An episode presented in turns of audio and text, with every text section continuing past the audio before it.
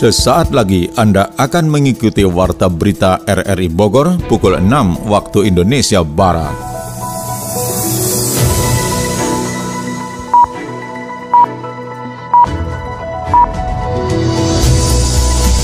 Selamat pagi, saudara. Kita kembali bersua lewat Warta Berita Senin 28 Agustus 2023. Siaran ini juga dapat Anda dengarkan melalui audio streaming RRI Playgo dan dapat Anda dengarkan kembali lewat podcast kami di Spotify, Anchor, Podtail, dan Google Podcast. Berikut kami sampaikan berita utama.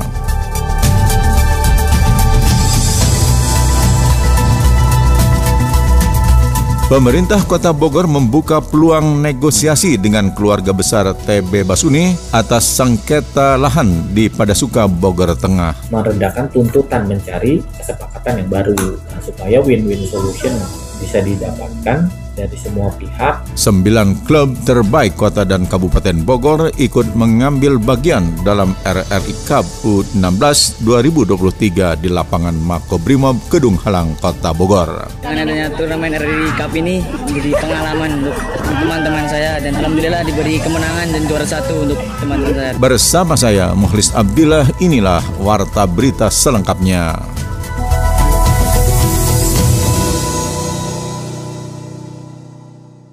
Saudara, pemerintah Kota Bogor membuka peluang negosiasi dengan keluarga besar TB Basuni atas sengketa lahan di Padasuka, Bogor Tengah. Sony Agung Saputra menurunkan catatannya. Kasus perdata tanah yang terjadi antara keluarga besar ahli waris TB Basuni dengan tergugat seperti pemerintah Kota Bogor, Perumda Pasar Pakuan Jaya masih berlangsung di Pengadilan Negeri Bogor. Dalam persidangan kasus tersebut sudah menghadirkan saksi-saksi dari pihak penggugat dan tergugat dengan menyebutkan data dan fakta terkait sengketa tanah di kawasan Padasuka, Bogor Tengah, Kota Bogor. Kepala Bagian Hukum Pemkot Bogor Alma Wiranta menjelaskan pihak pemerintah membuka celah untuk adanya negosiasi dengan pihak keluarga besar ahli waris TB Basuni. Sebagai pengayom dan pembina masyarakat tentunya pemerintah daerah mempunyai kewajiban untuk melindungi segenap warganya sehingga mengupayakan adanya penyelesaian dengan adanya solusi saling menguntungkan. Berharap ada kebaikan-kebaikan yang diinginkan ya berarti masih masih ada pintu kalau mau bersama-sama melakukan negosiasi. Apa yang mau dinegosiasikan tentunya ya taat asas. Negosiasi itu kan adalah suatu kesepakatan yang dibuat kita men, apa ya meredakan tuntutan mencari kesepakatan yang baru nah, supaya win-win solution bisa didapatkan dari semua pihak. Kalau dari pemerintah Kota Bogor selalu menginginkan yang dilindungi adalah masyarakat Secara konkret, pemerintah Kota Bogor menawarkan adanya kebijakan untuk melihat kembali status kedudukan tanah yang sudah menjadi kuasa dari pihak keluarga besar TB Basuni ini dan para pihak tergugat. Hal itu penting untuk menjadi kepastian hukum ke depannya sehingga pemerintah Kota Bogor berupaya melakukan penanganan sengketa itu secara baik dengan pengelola setiap aset yang ada secara penguasaan dari semua pihak. Kalau dalam gugatan ini nanti ternyata dimenangkan oleh pemerintah pemerintah berarti kan mempunyai kewenangan untuk mengelola kembali di sana, menata kembali. Nah, apa yang sudah dilakukan itu berarti akan menjadi sia-sia, nah, hilang semua. Nah, itu yang pertama. Kalau yang dimenangkan juga dari pihak penggugat, itu yang dihadapi nanti masyarakat banyak. Karena berdasar gugatan kan semua itu yang di sana itu masyarakat itu nanti yang akan akan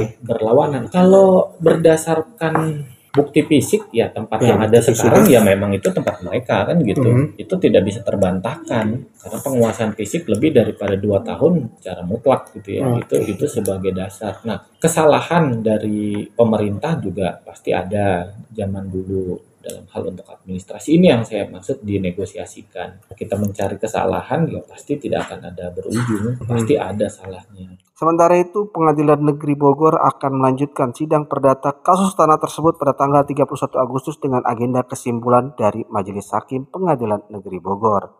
Penggunaan antibiotik berlebihan dapat mengakibatkan resistensi terhadap daya tahan tubuh karena mikroorganisme dalam bakteri, virus, jamur, dan parasit penyebab infeksi justru kebal dengan antibiotik. Kita simak catatan Yofri Haryadi. Penggunaan obat-obatan yang mengandung antibiotik secara berlebih dapat mengakibatkan resistensi terhadap daya tahan tubuh pengkonsumsinya. Hal itu terjadi karena mikroorganisme dalam bakteri, virus, jamur, dan parasit yang menjadi penyebab infeksi atau sakit justru kebal dengan jenis antibiotik yang digunakan. Pengendalian laju resistensi antimikroba menggunakan konsep One Health menjadi solusi Profesor Dr. Dr. Hewan Agustin Indrawati dalam rencana aksi yang tertuang pada Peraturan Menteri Koordinasi Pembangunan Manusia dan Kebudayaan nomor 7 tahun 2021 sehingga basis industri farmasi di dalam negeri memperhatikan secara cermat penggunaan antimikroba dalam produk medis. Antibiotik ini mudah diakses oleh manusia, yang mana bisa dimanfaatkan oleh manusia, bisa dimanfaatkan oleh hewan, dan bisa dimanfaatkan oleh tumbuhan. Kebiasaan dalam penggunaan antibiotik tersebut yang kita sering bilang itu tidak bijak, itu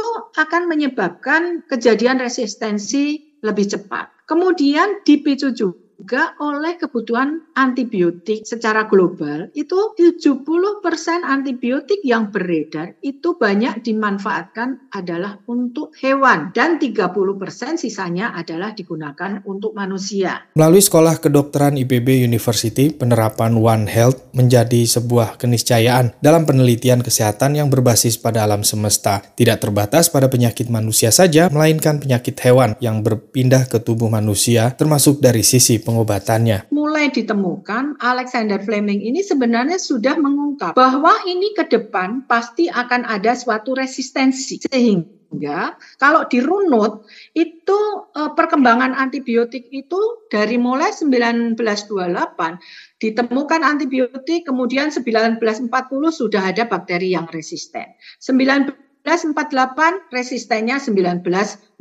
Jadi kecepatan antara penemuan antibiotik dengan kecepatan uh, mikroorganisme yang resisten itu lebih cepat mikroorganisme yang resisten. Ini yang butuh uh, kita waspadai uh, di dalam mencegah supaya resisten antimikrobial ataupun resisten antibiotik itu bisa uh, dari data yang disajikan, hasil riset dan penelitian CDC di Amerika Serikat pada tahun 2013 ditemukan setidaknya 2 juta penduduk di Amerika menderita infeksi serius oleh bakteri resisten. Dari jumlah tersebut, 23 ribu di antaranya meninggal dunia setiap tahun akibat dari resistensi antibiotik. Proyek Jalan Tol Cinere Jagorawi atau Cijago saat ini sudah menembus ke tol Bandara Soekarno-Hatta. Berikut catatan Adi Fajar. Proyek Jalan Tol Cinere Jagorawi atau Cijago saat ini sudah menembus ke tol Bandara Soekarno-Hatta. Proyek jalan tol yang merupakan proyek strategis nasional pemerintah pusat itu terus dikebut untuk menghubungkan kota Depok dengan bandara guna mempermudah akses masyarakat. Direktur Utama PT Translingkar Kita Jaya Hilman Muhsin mengaku, kini masyarakat Depok dapat menuju bandara hanya dengan menempuh 15 menit perjalanan. Namun Hilman belum bisa memastikan berapa tarif yang harus dikeluarkan dari pintu tol masuk Limo hingga ke Bandara Soekarno-Hatta karena masih dalam proses penghitungan jalan tol Cinere Jogori menghubungkan Depok dengan Cinere Serpong, kemudian Serpong Kunciran Kunciran Bandara. Kalau kita pakai kendaraan dari Limo sampai bandara diperlukan ya di bawah 15 menit kurang lebih. Total investasi secara keseluruhan kalau dari sesi 1 sesi 3 kurang lebih 3,8 termasuk tanah ya Ramadan luas Cina Serpong Serpong Tinggal itu adalah wilayah jasa marga sementara itu Sekretaris Daerah Kota Depok Supian Suri mengapresiasi langkah cepat pemerintah pusat dengan pihak yang telah menyelesaikan pembangunan tol Cijago menuju ke Serpong dan berujung di Bandara Soekarno-Hatta hal ini semakin mempermudah akses mobilitas transportasi masyarakat untuk mendorong peningkatan ekonomi daerah. Soalnya kalau lihat persiapan udah siap semua ya Pak ya. Kita tinggal menunggu Presiden meresmikan mudah-mudahan di sini atau mungkin di titik yang meresmikan prinsipnya buat kami di pemerintah Kota Depok berterima kasih atas perjalanan kerja-kerja semua pihak sehingga Depok dalam hal ini dapat berkah lagi dengan hadirnya tol gerbang tol Limo yang akan dibuka diresmikan oleh Pak Presiden. Mudah-mudahan ini menjadi upaya pemerintah pusat provinsi maupun Kota Depok dalam hal ini dengan dukungan uh, pengelola tol tentunya sehingga masyarakat Kota Depok akan lebih dimudahkan lagi dengan uh, sarana yang dibuat. Dirut PT TLKJ sebagai operator tol Cijago, Hilman Husin menambahkan bahwa total biaya pembangunan tol Cijago dari seksi 1 sampai dengan 3 dengan panjang 14,64 km itu mencapai 3,8 triliun rupiah termasuk dengan tanahnya. Hilman juga menjelaskan dengan tersambungnya jalan tol Cijago hingga jalan tol Serpong Cinere akan diresmikan Presiden Joko Widodo pada 13 September 2023 mendatang. Hei, kok buang sampah di situ sih? Lihat tuh ada tulisannya, jangan buang sampah sembarangan. Kan di sana ada tempat sampah. Suka-suka dong, usil amat sih jadi orang. Kan ada OB, tugasnya OB itu kan emang bersih-bersih. Menjaga kebersihan lingkungan kan tanggung jawab kita. Kebersihan sebagian daripada iman, iya nggak? Iya deh, nih aku pungut nih, aku buang tempat sampah. Sampah yang dibuang sembarangan dapat mencemari lingkungan, termasuk air, tanah, dan udara. Pencemaran lingkungan dapat menyebabkan kerusakan ekosistem, hilangnya habitat satwa liar, dan penurunan kualitas hidup manusia. Bersih itu indah, bersih itu mencerminkan hati. Lingkungan bersih terbebas dari penyakit. Menyikapi kemarau panjang di Kota Bogor, Dinas Ketahanan Pangan dan Pertanian setempat melakukan pendampingan kepada para petani. Catatan selengkapnya disampaikan Sony Agung Saputra. Aparatur Dinas Ketahanan Pangan dan Pertanian melakukan penanganan lahan pertanian agar tidak terkena dampak negatif saat kemarau melanda. Saat kemarau ini terjadi hampir dua bulan bahkan dalam beberapa pekan ini hujan hanya turun dengan intensitas kecil dengan durasi yang terbatas. Kabit Tanaman Pangan Hortikultura dan Penyuluhan DKPP Kota Bogor Kristina Indah menjelaskan menyikapi dampak kemarau panjang di Kota Bogor maka penyuluh pertanian harus turun ke lapangan untuk mendampingi petani. Penyuluh melakukan edukasi kepada petani tidak melakukan proses penanaman sayuran karena tanah tersebut sedang diistirahatkan dalam istilah pertanian disebut berak. Kemudian penyuluh juga melakukan monitoring kepada kelompok tani sesuai dengan wilayah kerjanya agar tidak gagal panen. Menyikapi dampak kemarau panjang di Kota Bogor ini ada beberapa antisipasi yang sudah dilakukan oleh DKPP melalui penyuluh pertanian, yaitu satu, memberikan pelindung kepada tanaman yang baru dipindah tanam, yang kedua, tidak melakukan proses menanam karena tanah ter tersebut sedang diistirahatkan yang dalam istilah pertanian disebut berak. Yang ketiga, penyuluh terus melaksanakan monitoring ke kelompok tani sesuai dengan wilayah kerjanya. Selanjutnya pengelolaan dan pengawasan untuk irigasi khususnya untuk tanaman padi Kota Bogor. Saat ini irigasi memang masih bagus dan berfungsi dengan baik. Kemudian untuk pola tanam pihaknya juga menganjurkan petani mengganti tanaman sayuran dengan tanaman singkong yang lebih tahan saat terjadi kemarau. Penguatan petani agar tidak gagal panen yang pertama untuk irigasi khususnya untuk tanaman padi, Kota Bogor alhamdulillah irigasinya masih bagus dan berfungsi dengan baik. Kalau untuk pola tanam, untuk pola tanam bagi lahan yang mengalami kekeringan, khususnya untuk biasanya ini untuk tanaman sayuran dapat mengistirahatkan lahannya yang tadi disebut dengan istilah pertaniannya berah atau mengganti tanaman sayuran dengan menanam singkong. DKPP juga melakukan edukasi kepada petani agar tetap melakukan bercocok tanam sehingga ketahanan pangan tetap terjaga di Kota Bogor. BPD Kota Bogor mengirimkan satu armada air bersih bagi warga Munjul Kayu Manis Tanah Sareal yang sumurnya mengalami kekeringan. Berikut catatan Adif Fajar. Bencana kekeringan terjadi di Kampung Munjul RW 6 di Kelurahan Kayu Manis, Kecamatan Tanah Sarel, Kota Bogor. Sedikitnya 680 warga terdampak sumur air yang kering akibat musim kemarau yang disertai El Nino. Badan Penanggulangan Bencana Daerah BPBD Kota Bogor melalui tim reaksi cepat yang menerima laporan kekeringan warga langsung merespon dengan mengirimkan satu armada air bersih untuk warga di RT 3, 4, dan 5 yang ditampung menggunakan toren air. Personel TRC BPBD Kota Bogor Ibrahim mengatakan bahwa pihaknya telah mensuplai sebanyak 5.000 liter air bersih untuk membantu warga yang sumur airnya kering. Untuk penanganannya kami mengirimkan satu truk mobil tangki yang kapasitasnya 5.000 liter untuk penanganannya di RW 6 di wilayah Kampung Munjul di Kelurahan Kayu Manis Tanah Sareal. Oleh karena itu di wilayah tersebut sudah ada tempat penampungan toren, toren isinya 5.000 liter. Dalam, dalam penanganan itu di wilayah tersebut ada dua RT, RT 4 dan RW 5, eh, RT 4 dan RT 5. Sementara itu Ketua RT 3 Saimin mengungkapkan sedikitnya 80 KK atau sekitar 200 warganya mengalami dampak kekeringan di wilayahnya. Sebagian besar warga tidak menggunakan air PDAM karena belum adanya instalasi di wilayah tersebut. Saimin juga mengungkapkan sekitar lebih dari 150 meter sawah milik keluarga terancam gagal panen akibat keringnya aliran irigasi saat musim kemarau ini. Di RT saya kira-kira 80-an Pak, kakak. Kalau jiwa sih mungkin 200 ada kali Saat Emang di situ sih sumur semua. Kalau di RT 05 PAM nggak masuk waktu itu tadiannya ada yang cegah lah istilahnya waktu dulunya nggak boleh masuk. Jadi karena kan udah di checklist udah nggak bisa masuk PAM. Ya punya warga ya saya ada sedikit nih Pak tuh. Ya kering sih ya cuman di sini kan airnya terlalu jauh ya Pak ya. Kali itu kali akan di bawah tuh. Luasnya Pak dari dari ujung pinggir kali aja Pak. Ya ada masa 150 meter Pak kali dari sini ke sini. Adapun rincian warga terdampak kekeringan yakni sebanyak 680 warga kampung muncul. Di antaranya di RT 4 RW 6 terdapat sebanyak 120 KK dengan total 395 jiwa. Lalu di RT 5 RW 6 ada sebanyak 90 KK dengan 285 jiwa.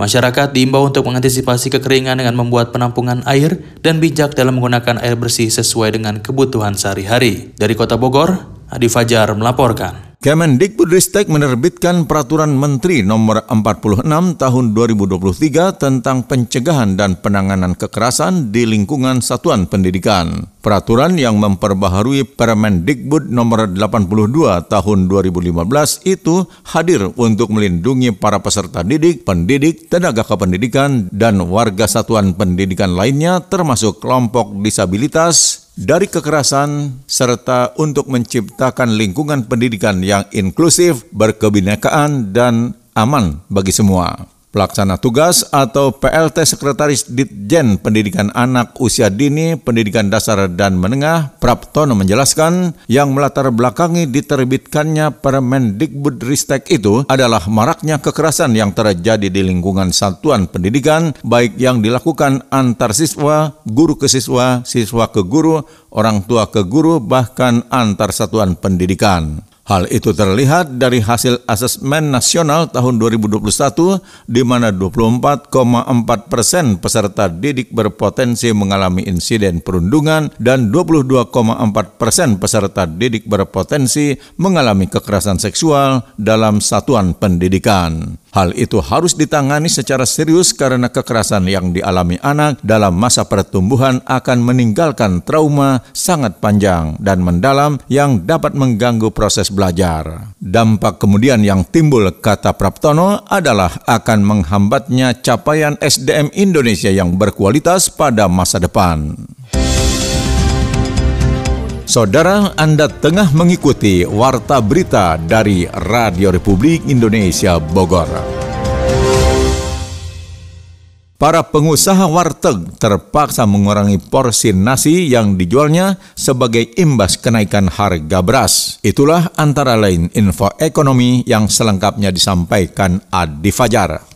PT Pupuk Indonesia Persero menjamin stok pupuk bersubsidi dalam posisi yang aman sesuai ketentuan yang diatur dalam Peraturan Menteri Perdagangan Nomor 4 Tahun 2023 tentang pengadaan dan penyaluran pupuk bersubsidi untuk sektor pertanian. Secara nasional Pupuk Indonesia telah menyediakan stok pupuk bersubsidi sebesar 936.152 ton. Stok pupuk bersubsidi ini terdiri dari urea sejumlah 562.052 ton dan NPK sejumlah 374.100 ton. Adapun total stok pupuk bersubsidi ini setara 3 382 persen dari ketentuan minimum yang ditetapkan pemerintah. Artinya kondisi stok saat ini dapat memenuhi kebutuhan pupuk bersubsidi bagi petani selama tiga minggu ke depan. Pupuk bersubsidi ini hanya dapat ditebus bagi petani terdaftar e-alokasi atau sesuai ketentuan pemerintah yang tertuang dalam Permentan nomor 10 tahun 2022. Adapun kriteria petani yang berhak menebus atau mendapat alokasi pupuk bersubsidi wajib tergabung dalam kelompok tani terdaftar dalam Simluhtan atau Sistem Informasi Manajemen Penyuluh Pertanian serta menggarap lahan maksimal 2 hektar. Peraturan ini juga menetapkan 9 komoditas strategis yang berhak menerima subsidi pupuk yaitu padi,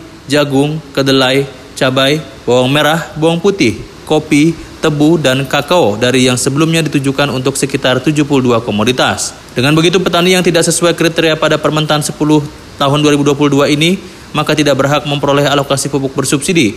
Pupuk Indonesia juga berhasil menyalurkan pupuk bersubsidi sebesar 4,17 juta ton atau 53,1 persen dari alokasi.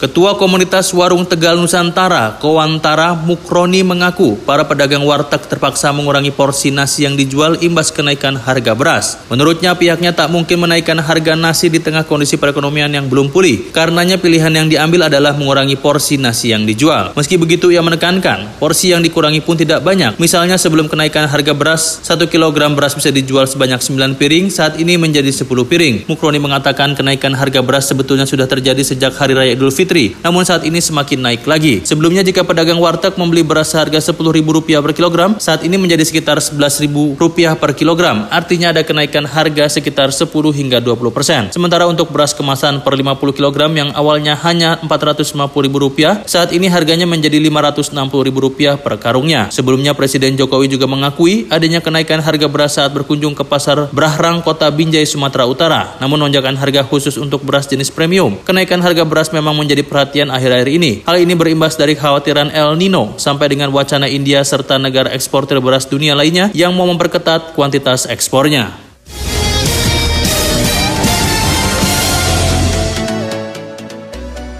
Berita olahraga, sembilan klub terbaik kota dan kabupaten Bogor ikut mengambil bagian dalam RRI Cup U16 2023 di lapangan Makobrimob Gedung Halang Kota Bogor.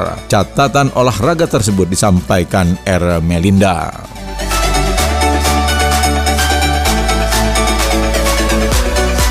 Sembilan klub terbaik kota dan kabupaten Bogor mengikuti gelaran event RRI Cup U16 Jawa Barat 2023 yang berlangsung di lapangan Mako Brimob Kedung Hawang, Kota Bogor dari tanggal 26 Agustus hingga 27 Agustus 2023. Sembilan klub tersebut yaitu Pratama Siaga, Sentul City, Kabumania Muda, Citra Praya, Bogor City, MMJ, Tunas Muda 85, Diklat Isa, dan Putra Pakuan. Sembilan klub tersebut bertarung sengit hingga akhirnya membawa Sentul City dan Bogor City masuk dalam babak final. Dikatakan oleh Wahyu selaku koordinator RRI Cup tingkat Jabar, event ini sebagai salah satu modal pencarian atlet berusia dini. Menurut Wahyu dengan adanya event ini ke depan Jawa Barat khususnya Jabodetabek sudah memiliki cadangan pemain berusia muda yang bisa meraih prestasi di kancah nasional maupun internasional. Yang pasti ini betul-betul sangat apa? Sangat membahagiakan bagi bagi insan sepak bola di usia muda. Masalahnya event di usia ini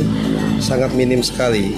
Nah, makanya saat diadakan ini pertama kali sangat antusias di apa diikuti oleh tim-tim yang asal Jawa Barat ini ya.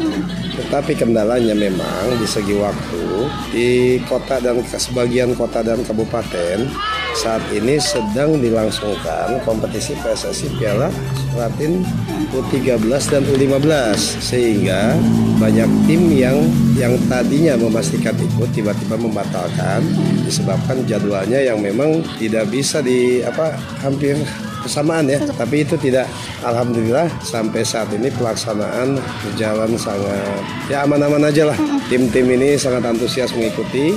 Kebetulan tim-tim yang ikut ini kekuatannya ini imbang dan pemain-pemainnya juga sangat menjunjung tinggi sportivitas. Mudah-mudahan dengan event ini ini bisa muncul pemain-pemain handal pemain-pemain yang bagus untuk ke depannya bisa membantu atau menyumbangkan untuk timnas Indonesia. Radio Republik Indonesia RRI mengadakan seleksi pemain sepak bola sesuai dengan instruksi Presiden nomor 3 tahun 2019 tentang percepatan pembangunan persepak bola nasional. RRI mengadakan kegiatan seleksi pemain sepak bola dalam rangka menyongsong HUT RI dan juga HUT RRI. Diharapkan dengan adanya event ini bisa menjadikan ajang latihan sekaligus para pemain mencoba untuk lebih maju dengan mengikuti ajang di tingkat tingkat nasional. Di tempat yang sama, salah satu pemain berbakat dari klub Bogor City, Muhammad Unggul menyambut baik kegiatan ini. Muhammad Unggul menjelaskan gelaran ini dijadikan sebagai pengalaman dalam memperkuat mental, fisik, dan stamina. Karena menurut Unggul dari beberapa klub yang mengikuti kegiatan ini tentunya semua klub memiliki kelebihan dan kekurangan masing-masing. Namun ini tidak membuat Muhammad Unggul dan kawan-kawan berpuas diri setelah meraih juara satu. Tapi akan menjadikan event ini sebagai sebuah motivasi ke depannya agar bisa mempertahankan juara juara di setiap pertandingan. Dengan adanya turnamen RRI Cup ini menjadi pengalaman untuk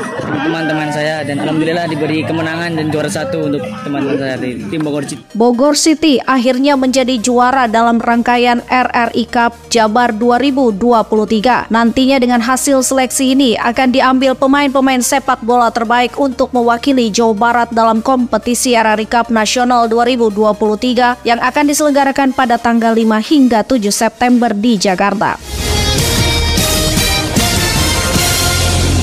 Ketua Umum PSSI Erick Thohir mengaku bangga atas perjuangan heroik para pemain Indonesia meskipun pasukan Garuda Muda hanya menjadi runner-up Piala AFF U23 setelah di final kalah dari Vietnam melalui adu penalti. Menurut Erick yang hadir langsung di Thailand, ia terharu dengan semangat dan pengorbanan besar para pemain yang rela memenuhi panggilan negara. Meski banyak pemain utama yang tak bisa tampil akibat tak diizinkan klub, para pemain yang tersisa nyatanya tampil mati-matian demi kehormatan negara. Erick mengatakan skuad yang tampil di Piala AFF U23 2023 maupun SEA Games 2023 adalah pondasi awal timnas untuk tampil di pentas Piala Asia U23. Menurut Menteri BUMN itu, prestasi bukanlah hal yang instan, melainkan mesti melalui proses persiapan yang penuh pengorbanan dan Piala AFF U23 ini menjadi bagian dari persiapan panjang timnas untuk meraih prestasi baik di Piala AFC U23 maupun kualifikasi Olimpiade 2024. Erik pun mengajak masyarakat untuk mendukung penuh perjuangan timnas U23 ini. Sebab menurut Erik, timnas punya potensi untuk tampil semakin baik lagi. Untuk para pemain, Erik berpesan untuk tetap membumi tapi selalu lapar akan juara di segala kompetisi.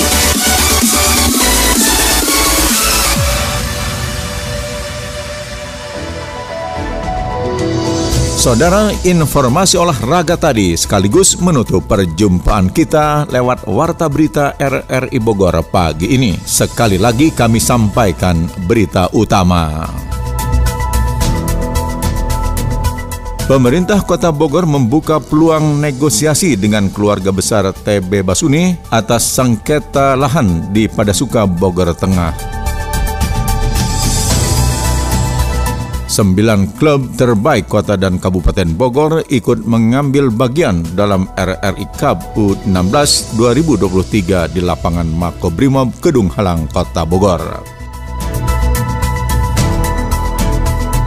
Siaran ini dapat Anda dengarkan kembali melalui podcast kami di Spotify, Anchor, Podtail, dan Google Podcast. Saya Muhlis Abdillah menangkap Des Editor bersama penata teknik Novel Novian Shah mengucapkan terima kasih atas kebersamaan Anda. Selamat pagi.